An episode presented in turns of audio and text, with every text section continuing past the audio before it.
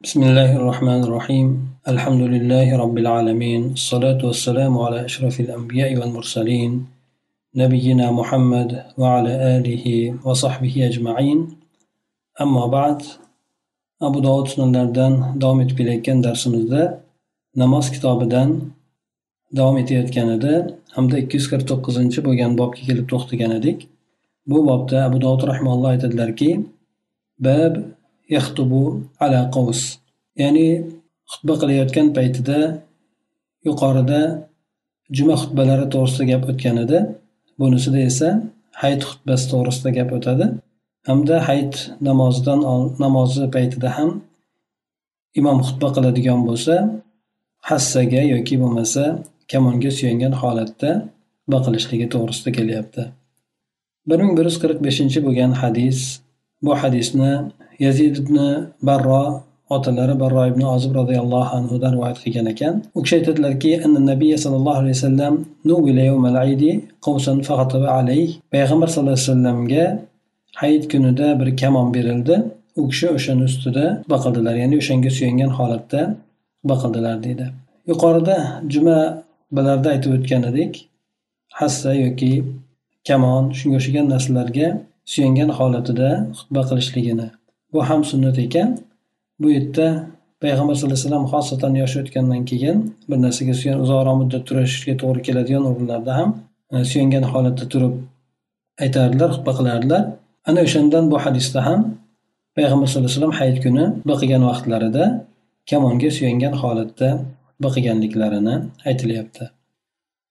Ikki yuz elliginchi bo'lgan bob bu bobda abu dovud rahmanalloh aytadilarki bab tarkil adani fil ayit hayit kunida ozon takbir aytmaslik hayit namozi boshqa namozlardan farq qilar ekan garchi jamoat bilan o'qiladigan bo'lsa ham bunda oldidan ozon ham yo'q ekan hamda takbir ham aytilmas ekan shu bob ostidagi bo'lgan bir ming bir yuz qirq oltinchi bo'lgan hadis bu hadisda abdurahmon ibn abbos aytadiki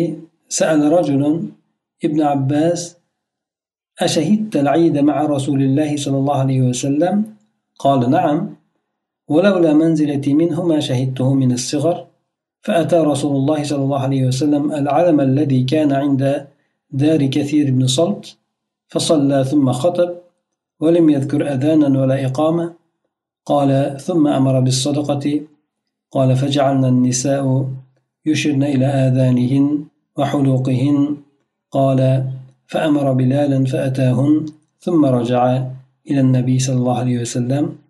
Bu hadisni imom buxoriy ham rivoyat qilgan ekan. Demak bu hadisda bir odam ibn abbos roziyallohu anhudan so'rayapti. Siz rasululloh sollallohu alayhi vasallam bilan birgalikda hayit namoziga ishtirok etganmidingiz? Shunda ibn abbos aytdilarki ha agar meni payg'ambar sallallohu alayhi vasallamga yaqin bo'lishligim bo'lmaganda edi ya'ni payg'ambar alayhisalomdan tutgan manzilatim bo'lmaganda edi yoshim kichkina bo'lganligi sababidan bu namozga ishtirok etmagan bo'lar edim deb aytadi. Ma'lumki ibn abbos roziyallohu anhu bu kishi payg'ambar sallallohu alayhi vasallamni amakilarini o'g'illari bo'lgan. Vallohu alam shu jihatidan ham bu kishi yana undan tashqari oqil bo'lgan o'zini yosh bolalik o'yinlaridan tutib olgan shu holatda bo'lganligi uchun hayit namozida ishtirok etishlik muyassar qilgan ekan. Ana o'shanda nima voqea bo'lganligini bu kishi aytib o'tadi. Rasululloh sollallohu alayhi vasallam kasir ibn solt degan kimsani hovlisini oldida bir tepalik bor edi yoki bo'lmasa alam degani bayroq ma'nosi ham bor tepalik ma'nosi ham bor ekan. O'sha joyga payg'ambar sallallohu alayhi vasallam keldida hayit namozini o'qidilar so'ng xutba qildilar.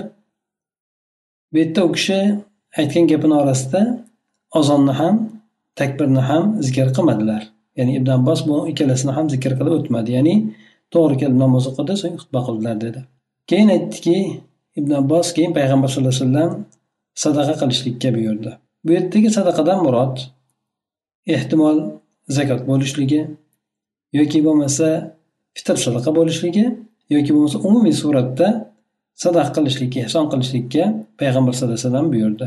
Ya'ni hayit kuni quvonchli kun bo'lganligi uchun xursandchilik kuni bo'lganligi uchun kambag'al bo'lgan odamlarga inson muruvvat qilishligi bilan xursandchilik ommatan hammaga bo'lishligiga payg'ambar sallallohu alayhi vasallam aynan shu kunda xosatan sadaqa qilishlikka odamlarni buyurdilar. Shunda ayollar quloqlariga va halqumlariga ya'ni bo'yinlariga ishora qila boshladilar dedi. Huluq ma'nosi bu halqumni jami ham bo'lishi mumkin ekan. Yoki yana bir boshqa bir ma'nosi halqani jami ham bo'lishligi mumkin ekan. Ya'ni halqa bundan murod uzuklari bo'ladi. Quloqlariga va uzuklariga ishora qildilar qila boshladi deb aytish mumkin. Yoki bo'lmasa birinchi aytib o'tganimizdek bo'yinlariga ishora qilib o'tdi. Ya'ni bo'yinlaridagi bo'lgan taqinchoq o'rinlariga ishora qilib boshladilar deydi. Keyin payg'ambar sallallohu alayhi vasallam bilol roziyallohu anhuga buyurdilar ayollarni oldiga keldi. Ya'ni ayollar quloqlarimizda bor bo'yinlarimizda bor shuni beramiz degan ishorani qilganligidan payg'ambar alayhisalom bilol roziyallohu anhuga bularni borib olib keling o'sha taqinchoqlardan yoki beradigan sadaqalardan deb jo'natgan edi. Keyin bilol roziyallohu anhu ayollarni oldiga keldilar. Keyin payg'ambar alayhisalomni oldiga oldiga qaytib ketdilar. Bu ayollarni sadaqa qilishligi to'g'risida o'tgan darsimizda ham aytib o'tgan edik. Ya'ni ayollar agar e, o'zlarini mana taqinchoqlaridan o'zlarini mulklaridan erlardan so'ramagan holatida sadaqa qilishliklari ehson qilishliklari mumkin ekan. Agar unday bo'lmaganda payg'ambar alayhissalom mubosharatan ayollarni o'zlariga murojaat qilmagan bo'lardi. Avval erlardan ruxsat so'rab o'sha ishora yoki sadaqa qilishlikka ruxsat so'rab keyin ularga murojaat qilishligi yoki bo'lmasa ayollar birdaniga bilol roziyallohu anhuni kiyimiga taqinchoqlarni tashlab emas balki erlardan so'ragandan keyin tashlashliklari kerak bo'lardi. Lekin bu o'rinda ayollar birdaniga o'zlari xohlab tashlaganliklari ular o'zlarini mulklarida o'zlari tasarruf qilishlik huquqiga ega ekanliklarini ifoda qiladi. Garchi albatta ko'p o'rinlarda erlar bilan maslahatlashliklari yaxshi bo'ladigan bo'lsa ham. bir ming bir yuz qirq yettinchi bo'lgan hadis bu hadisni ibn abbos roziyallohu anhu rivoyat qiladilar aytadilarki anna rasululloh sollallohu alayhi vasallam صلى العيد بلا أذان ولا إقامة وأبا بكر وعمر أو عثمان شك يحيى ibn abbos roziyallohu anhu aytadilar rasululloh sollallohu alayhi vasallam hayit namozini hech qanday bir azon aytmasdan takbir aytmasdan o'qidilar ya'ni iqomat aytmasdan o'qidilar shuningdek abu bakr umar ham xuddi shuningdek qildi Lekin e, usmon roziyallohu anhuni qo'shishlikka bu yerda usmon deb aytgan yoki aytmaganligida roviylardan birisi yahyo ismligi e, demak shubha qilibdi shunga ikkilanibdi. Shuning uchun usmon deb aytganmidi yoki yo'qmidi deb. Lekin shu yoqqacha asosan hayit namozlari ozonsiz takbirsiz o'qiladi. Lekin ba'zi o'rinlarda e, hokimlar yoki amirlar xalifalar ozon yoki ozon shunga o'xshagan narsalarni yo'lga qo'yishligi bu narsa e, sunnatga xilof keladi. Sunnat esa hayit namozini takbirsiz, azonsiz aytilishligi ekan. 1148 bo'lgan hadis. Bu hadisni Jobir ibn Samura radhiyallohu anhu dan rivoyat qilinadi. U kishi aytadilar: "Sallaytu ma'an nabiy sallallohu alayhi vasallam g'ayra marratin va la marratayn al-aydayn bighayri adanin va la. Men payg'ambar sallallohu alayhi vasallam bilan birgalikda bir marta emas ikki marta emas ya'ni ko'p marta demoqchi hayit namozini ozonsiz takbirsiz o'qidim deb aytadilar. Demak yuqoridagi hadislardan ham ko'rinib turibdiki hayit namozida hech qanday oldidan boshqa farz namozlari kabi ozon ham aytilmas ekan shuningdek takbir ham aytilmas ekan. Ikki yuz ellik birinchi bo'lgan bob bu bobda abu dovud rahmalloh aytadilar bab at takbir fil aydayn ya'ni hayit namozlarida takbir aytishlik. Bu to'g'risida kelgan hadislar ekan. 1149 bo'lgan hadis. Bu hadisni Oysha radhiyallohu anhodan rivoyat qilinadi. Aytadilarki, anna Rasululloh sallallohu alayhi vasallam kana yukabbiru fil fitri wal adha fil ula sab'a takbiratin va fi thaniyati khamsan. Oysha onamiz aytadilarki, Rasululloh sallallohu alayhi vasallam hayit namozlarida, ya'ni ro'za hayitda ham, qurbon hayitda ham takbir aytadilar. Ya'ni quloqqa takbirati ihromdan keyin takbir aytadilar. Birinchi rakatda yetti marta takbir aytadilar va ikkinchi rakatda esa besh marta takbir aytadilar deydi. Undan keyingi bir ming bir yuz elliginchi bo'lgan hadisda ham mana shu rivoyatni boshqa yo'l orqali keltirib o'tadiki bunda ziyodasi bor ekan siva takbiratayli ruku. Ya'ni ruku takbirlardan boshqa uni hisobga olmaganda yettita takbir beshta takbir bo'lardi deb keladi bir ming bir yuz ellik birinchi bo'lgan hadis bu hadisni abdulloh ibn amr ibn as roziyallohu anhudan rivoyat qilinadi aytadilarki قال نبي الله صلى الله عليه وسلم التكبير في الفطر سبع في الأولى وخمس في الآخرة والقراءة بعدهما كلتيهما abdulloh ibn amr ibn as roziyallohu anhudan rivoyat qilinadiki bunda aytadilar u kishi alloh taoloni payg'ambari shunday deb aytdiki takbir aytishlik fitr ya'ni e, Э, ro'za hayitida e, shuningdek qurbon hayitda ham shunday bo'ladi. Ro'za hayitida birinchisida yetti marta takbir aytilinadi ikkinchisi keyingisida esa besh marta takbir aytilinadi. Qiroat esa e, ikkala takbirda aytgandan keyin bo'ladi. Ikkalasida ham takbirda aytgandan keyin bo'ladi deb aytgan ekanlar. bir ming bir yuz ellik uchinchi bo'lgan hadis. Bu hadisda Alban rahmaulloh aytadilarki bu hadisni o'zi hasan sahih darajasida lekin bu yerda to'rtta degan so'zini o'rniga to'g'rirog'i beshta deb aytilishligi to'g'ri edi chunonchi bu yerda muallif buni mualliq holatda ham aytib o'tgandek deydi bu yerdagi hadisni amr ibn shuayb otasidan bobosidan rivoyat qiladiki أن النبي صلى الله عليه وسلم كان يكبر في الفطر في الأولى سبعا ثم يقرأ ثم يكبر ثم يقوم فيكبر أربعا ثم يقرأ ثم يركع قال أبو داود رواه وكيع وابن, وابن المبارك قال سبعا وخمسا amr ibn shuayb otasidan bobosidan rivoyat qilgan bu hadisda aytadiki payg'ambar sollallohu alayhi vasallam ro'za haytida birinchisida yetti marta takbir aytadilar so'ng qiroat qilardilar. So'ng yana takbir aytib undan keyin o'rnlaridan turardilar ikkinchi rakatga turgan paytida to'rt marta takbir aytardi deydi. So'ng qiroat qilardilar keyin ruku qilardilar deb keltiradi. Abu dovud rahmaulloh bu yerda bu hadisni iziga aytadiki vaki bilan ibn abdulloh ibn muborak rahimahumulloh Bular rivoyat qilib aytadiki, ikkalalari aytgan ekan, yettita hamda beshta deb bularni rivoyat orqali kelganida yettita birinchi rakatda yettita hamda ikkinchi rakatda beshta aytilishligi ya'ni yuqorida aytgan rivoyatga muvofiq suratda keltirilgan ekan. bir ming bir yuz ellik uchinchi bo'lgan hadis bu hadisni makhuldan rivoyat qilinadi. Bu kishi aytadiki axbarani abu aisha jalisun li abi hurayra anna said ibn سأل أبا موسى الأشعري وحذيفة بن يمان كيف كان رسول الله صلى الله عليه وسلم يكبر في الأضحى والفطر؟ فقال أبو موسى كان يكبر أربعا تكبيره على الجنائز. فقال حذيفة صدق. فقال أبو موسى كذلك كنت أكبر في البصرة حيث كنت عليهم. وقال أبو عائشة وأنا حاضر. سعيد بن العاص tobiinlardan bo'lgan makhul keltirib aytadiki bu yerda menga abu oysha xabar berib aytadiki ya'ni abu oysha abu hurayra bilan birga o'tirib yuradigan odam ekan said ibn os bu kishi amr ibn osni alloh alam birodarlari bo'lgan.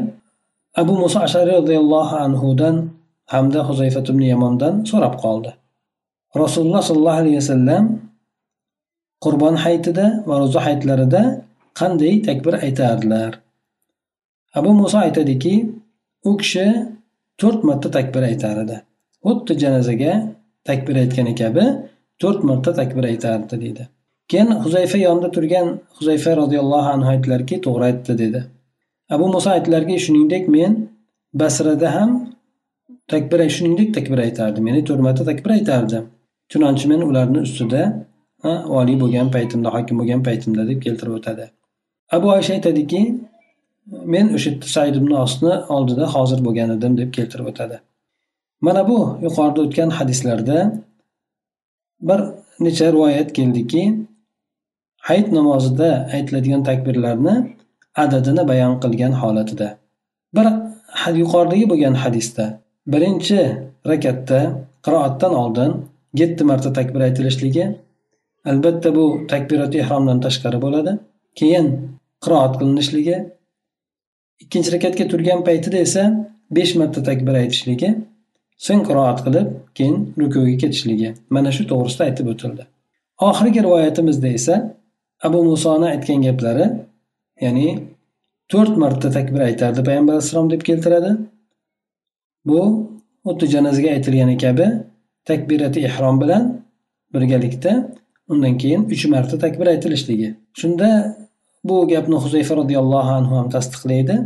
Yana bundan tashqari bu aytilayotgan gap abdulloh ibn masud roziyallohu anhudan ham rivoyat qilinadi. Mana shu oxirgi bo'lgan rivoyatni hanafiy mazhabi olimlari olishgan. Ya'ni hayit namozlarida takbir aytishlik vaqti hamda holatlari takbirati ehrom aytgandan keyin uch marta takbir aytishligi keyin esa undan keyin qiroatni qiladi qiroatni qilib bo'lgandan keyin ruku aytib ikkinchi rakatga turgan paytida undan keyin qiroat qilib turib uch marta takbir aytadi. Ana undan keyin oxirida uch marta takbir aytib turib to'rtinchi takbirda e, nimaga ketadi? Rukuga ketadi. Mana shunday e, ham rivoyat qilingan ekan. Demak olimlarni bu masala borasida ixtiloflari bor ekan mazhab olimlarini. Lekin ko'pchilik olimlar birinchi yuqorida kelgan rivoyatga suyangan holatlarida birinchi rakatda yetti marta takbir aytishligi bu yetti marta takbir aytishligini ko'pchilik olimlar takbirati ehromdan tashqari deb aytishadi. Imom ahmadni nazdlarida esa takbirati ehrom shunisiga kirgan holatda deb aytar ekanlar.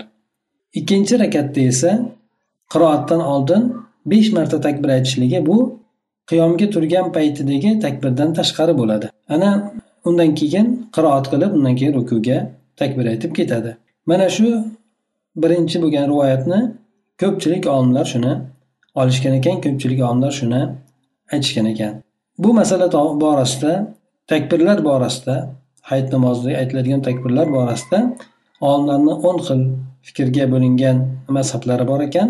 Shulardan aytib o'tdi yuqoridagi bo'lgan bitta yetti marta takbirat ihromdan tashqari aytilishligi keyingi ikkinchisida besh rakat besh marta takbir aytilishligi.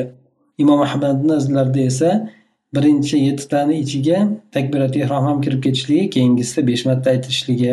Yana ba'zilar yetti marta yetti martadan deb aytganligi aytganlar ham bor ekan. Undan tashqari yana mashhur bo'lgani bu takbirat ihromdan keyin uch marta takbir aytishligi u bilan birgalikda to'rtta bo'ladi.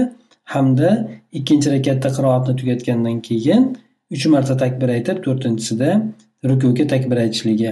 Mana shu rivoyat mana shu gap ham kelgan ekan aytib o'tdik bu gapni.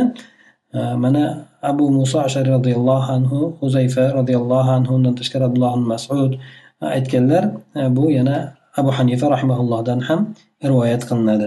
Demak bu yerdagi bo'lgan rivoyatlar sahih suratda kelyapti. Shuning uchun ko'proq qayt qaysi joyda bo'ladigan bo'lsa o'sha joydagi bo'lgan takbir aytishlikka suyanib ketiladigan bo'lsa bu narsa ma'qulroq bo'ladi.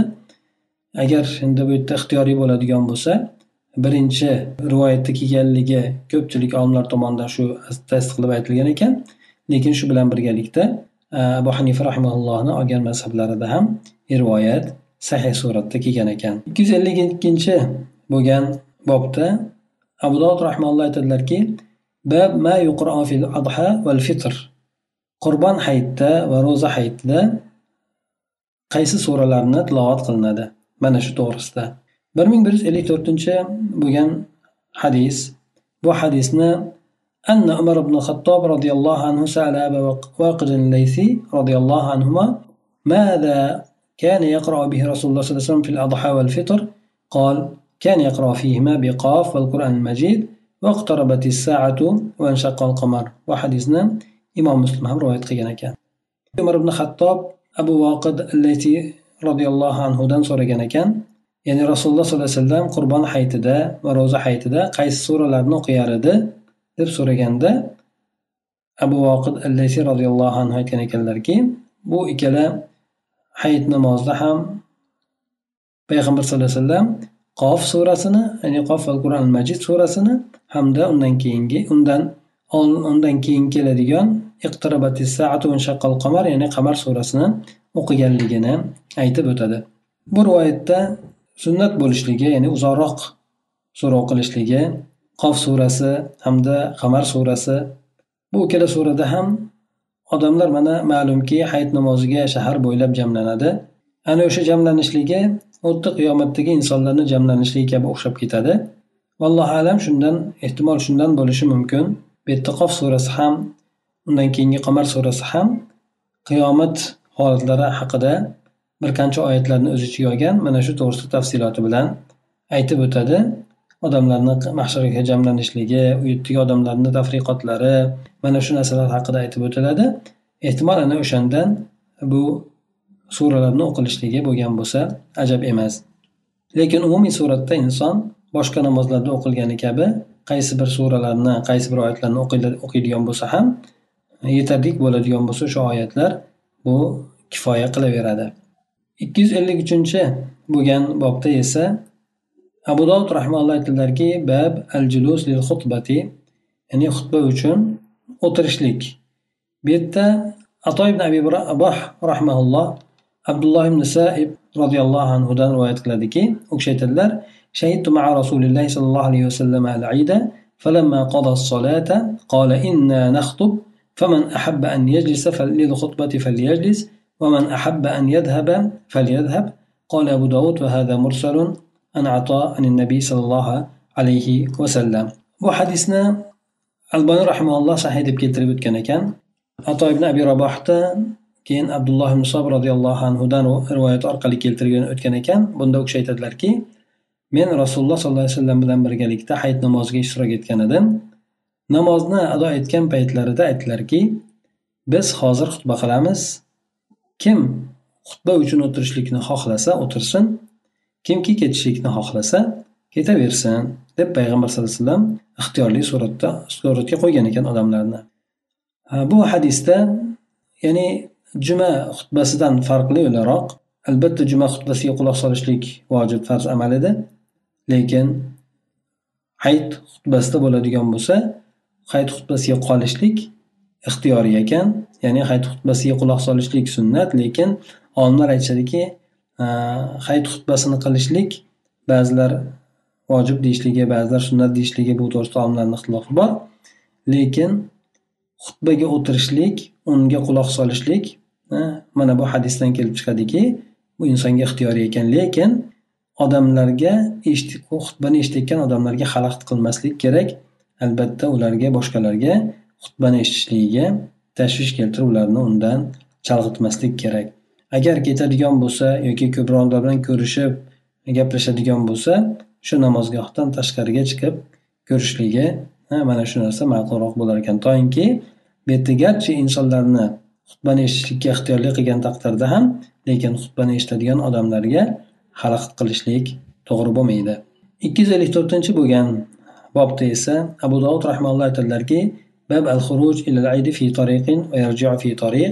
Hayit namoziga chiqishlik ya'ni bir yo'ldan chiqib boshqa yo'ldan qaytadi mana shu to'g'risida bir ming bir yuz ellik oltinchi bo'lgan hadis bu hadisni abdulloh ibn umar roziyallohu anhudan rivoyat qilinadi u kishi aytadilarki أن رسول الله صلى الله عليه وسلم أخذ يوم العيد في طريق ثم رجع في طريق آخر imom buxoriy buni jobir ibn abdulloh roziyallohu anhudan rivoyat qilgan ekan Abdulloh ibn umar roziyallohu anhu bu yerda aytadilarki rasululloh sollallohu alayhi vasallam hayit kunida bir yo'lni tutardilar so'ng boshqa yo'ldan qaytardilar deydi. Borib kelishligi demak bir yo'ldan bo'lmas ekan iloji boricha bir yo'ldan borib boshqa yo'ldan payg'ambar alayhisalom qaytar ekanlar. Bu ham o'ziga yarasha sunnati bor lekin buni hikmati borasida olimlar bir qancha so'zlarni keltirib o'tgan ekan. Vallohu alam demak bu yerda o'sha hikmatga ko'zga ko'ringan tashlanganlardan birinchisi insonga o'sha bir yo'ldan borib boshqa yo'ldan qaytishlikda o'sha ajri ko'proq bo'lishligi hamda o'sha joylar inson guvohlik qilishligida ko'proq bo'lishligi yana allohu alam bundan boshqa ham hikmatlarni olimlar aytib o'tishgan.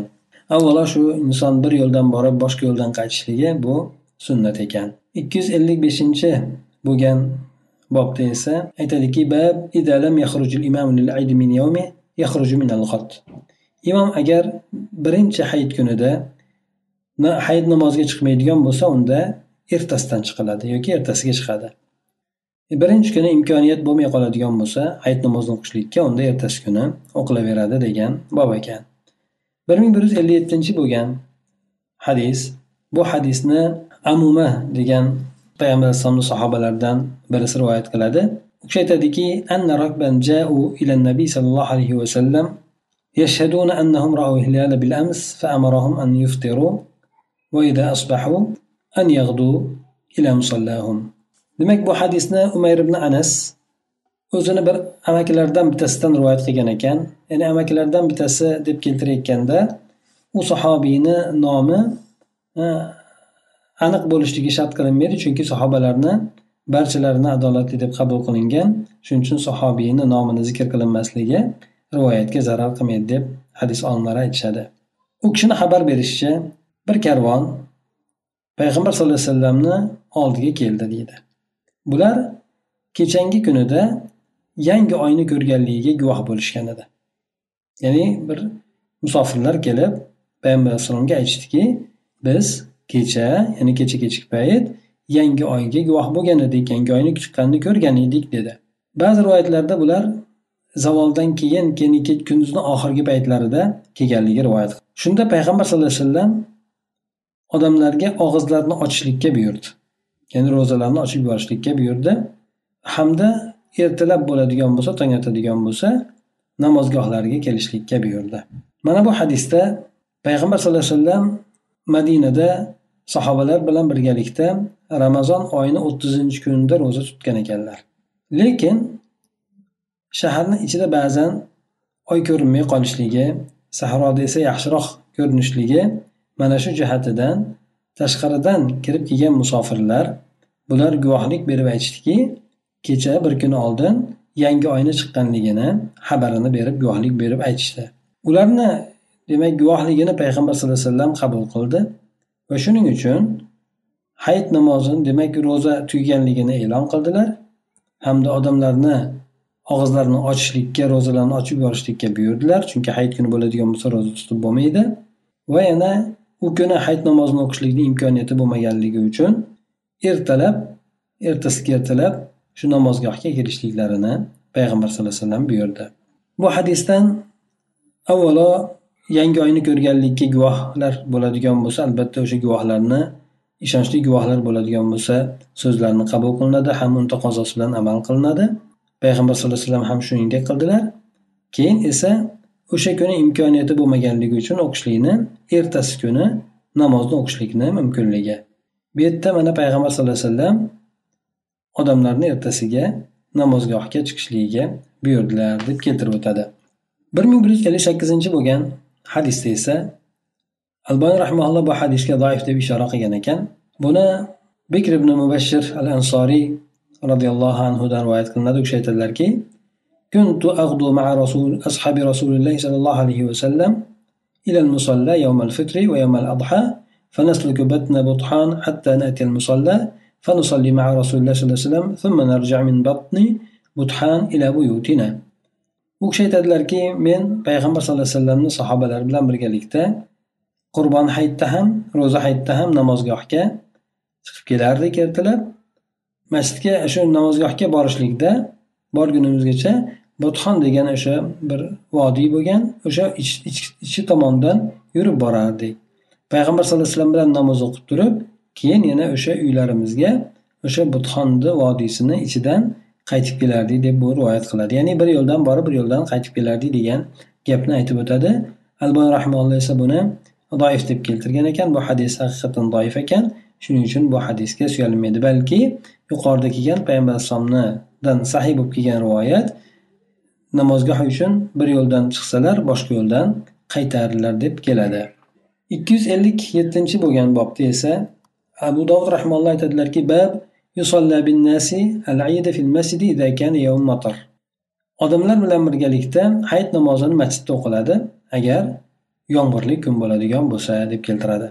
bir ming bir yuz oltmishinchi bo'lgan hadis buni ham alba rahmonalloh doif deb keltirib o'tgan ekan bu hadisni abu yahya abdulloh ibn tamiydan rivoyat qiladi u kishi esa abu hurra roziyallohu anhudan rivoyat qiladi aytadiki أنه أصابهم مطر في يوم عيد فصلى بهم النبي صلى الله عليه وسلم صلاة العيد في المسجد abu hurra roziyallohu anhuni rivoyat qilishicha hayit kunida yomg'ir yog'ib qolibdi ularga keyin payg'ambar sallallohu alayhi vasallam hayit namozini masjidni ichida o'qigan ekanlar Mana shu demak e, rivoyat payg'ambar sallallohu alayhi vasallam bu rivoyat lekin doif keltirib o'tadiku.